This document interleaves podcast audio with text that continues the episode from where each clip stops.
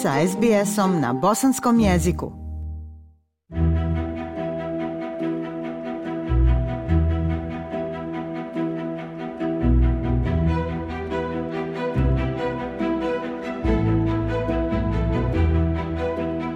Slušate program SBS radija na bosanskom jeziku. U utorak su pale akcije Medibanka nakon što su cyberkriminalci objavili povjerljive zdravstvene podatke nekih klijenata.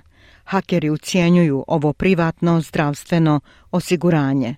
9,7 miliona mušterija je u pitanju, čiji su podaci pokradeni i koji se sada prodaju na ilegalnim internetskim stranicama – Kompanija je priznala, očekuje se da će u narednim danima sve više informacija biti otkriveno. Prilog Navina Razika U ranim jutarnjim satima u srijedu na takozvanom dark webu, tamnoj mreži, pojavila se objava koja sadrži povjerljive zdravstvene informacije malog broja klijenata privatnog zdravstvenog osiguranja Medibank. Ovo je najnoviji razvoj sage o iznuđivanju koja traje nekoliko sedmica. Ministrica kibernetičke sigurnosti Claire O'Neill proglasila je hakersko objavljivanje podataka vrijednim prezira.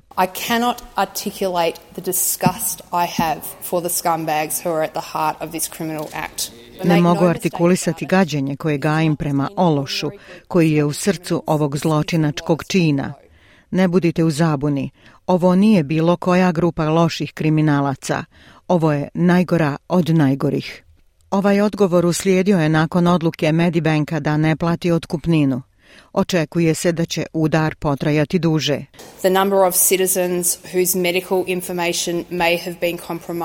Broj građana čiji su medicinski podaci možda kompromitovani mali je u ovoj fazi, ali želim da narod Australije shvati da će se to vjerovatno promijeniti, a mi prolazimo kroz težak period koji bi mogao trajati nedjeljama, vjerovatno mjesecima. Stručnjaci za sigurnost otkrili su da su podaci grupisani u nekoliko nekoliko lista, u takozvanu dobru listu, nestašnu listu i učenike. Otkriveni detalji su brojevi klijenata, brojevi medicinskih usluga, imena i adrese kao i brojevi telefona i podaci o nekim zdravstvenim tvrdnjama. To bi moglo uključivati dijagnoze HIV-a i ovisnost o drogama i alkoholu, kako objašnjava doktorica Sulet Dreyfus. For example, Um, Na primjer, nešto što bi napadač mogao učiniti ako bi mogao otkriti koji su medicinski kodovi u dosijeima i mogli bi pretražiti sve pacijente koji su bili HIV pozitivni, a to bi moglo biti samo putem dijagnoze ili putem redovnog farmaceutskog recepta, a onda bi to mogli objaviti. Tako da su očigledno implikacije toga za pacijente veoma ozbiljne. Znate, možda to nisu rekli na svom poslu, možda nisu rekli svom sportskom timu, ima nekih prilično ozbiljnih ličnih posljedica. Neposredno prije početka trgovanja na berzi, Medibank je izdala objavu u kojoj potvrđuje da su ti fajlovi ranije potvrđeni kao ukradeni i očekuju da će više podataka biti objavljeno na dark webu. Izvršni direktor David Kockar se izvinuo. Rekao je da se radi o krivičnom dijelu koje je osmišljeno da nanese štetu klijentima Medibanka i izazove nevolje. Troy Hunt je stručnjak za sajbersigurnost koji vodi web stranicu Have I Been Pwned koja omogućava korisnicima da ispitaju da li su njihovi podaci kompromitovani. Ovaj najnoviji potez za njega nije iznenađujući. Alarmantno je vidjeti ovoliko informacija, posebno toliko osjetljivih informacija. Također je prilično predvidivo, s obzirom da se radi o ekipi ucjenjivača koja je poznata po tome što javno baca podatke ako se ne plati otkupnina. Vlasti strahuju da bi sadašnji mali broj izloženih klijenata mogao rasti.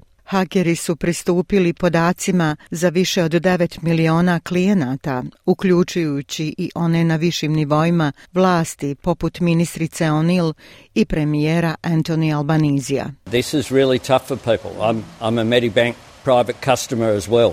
Ovo je zaista teško za ljude. Ja sam privatni klijent Medibank i bit će zabrinjavajuće da su neke od ovih informacija objavljene. Ali stav Medibanka da ne plati otkupninu podržava vlada, koja kaže da će popuštanje samo podstaći još više iznuđivanja. I njihov savjet je da svi klijenti pomno prate svoje račune, da bi se ušlo u trag kriminalcima, mobilisane su međunarodne agencije za kriminal. FBI sarađuje sa Australskom federalnom policijom. Australska federalna policija će ponuditi praćenje krađe, identifikacije za pogođene klijente Medibanka putem operacije Guardian, koja je prvobitno bila postavljena da pomogne korisnicima Optusa, čije su podatke otkrili kriminalci. Justine Go, pomoćnica komesara Australske federalne policije, kaže da je agencija zabrinuta zbog porasta prevara i iznuda. We urge who is contacted by telephone, by SMS, um, uh, Pozivamo sve koji su kontaktirani telefonom, SMS-om, internetskom poštom uz prijetnju da će im se objaviti lične informacije ako ne plate novčani iznos, da odmah prijave, da prijave sajber. Nemojte se sramiti prijavljivanja te vrste ponašanja, to je zločin i Australska federalna policija će sarađivati sa državnom i teritorijalnom policijom kako bi osigurala da žrtve pogođene tim sajber kriminalom budu zaštićene. Gospodin Hunt upozorava da su ovi incidenti daleko od nečeg novog.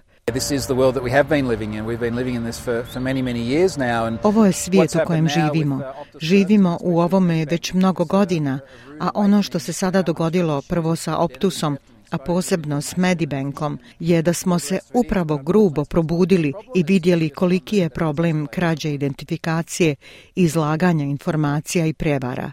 Nažalost, to nije nov problem ali je on dosta eskalirao. U međuvremenu pristigle su i najnovije informacije. Otkriveno je da su ruski sajberkriminalci kriminalci zajedno sa podružnicama organizacije u drugim zemljama odgovorni za hakiranje podataka osiguravajuće kompanije Medibank. Do otkrića je došla federalna policija Australije nakon što su hakeri objavili treći talas vrlo osjetljivih ličnih podataka povezanih s klijentima koji se liječe od alkohola. Medibank je kreirala šop za mentalno zdravlje i druge usluge podrške kojima pogođeni klijenti mogu pristupiti putem njihove web stranice. Ja sam Aisha Hadži Ahmetović. Ostanite uz program SBS radija na bosanskom jeziku.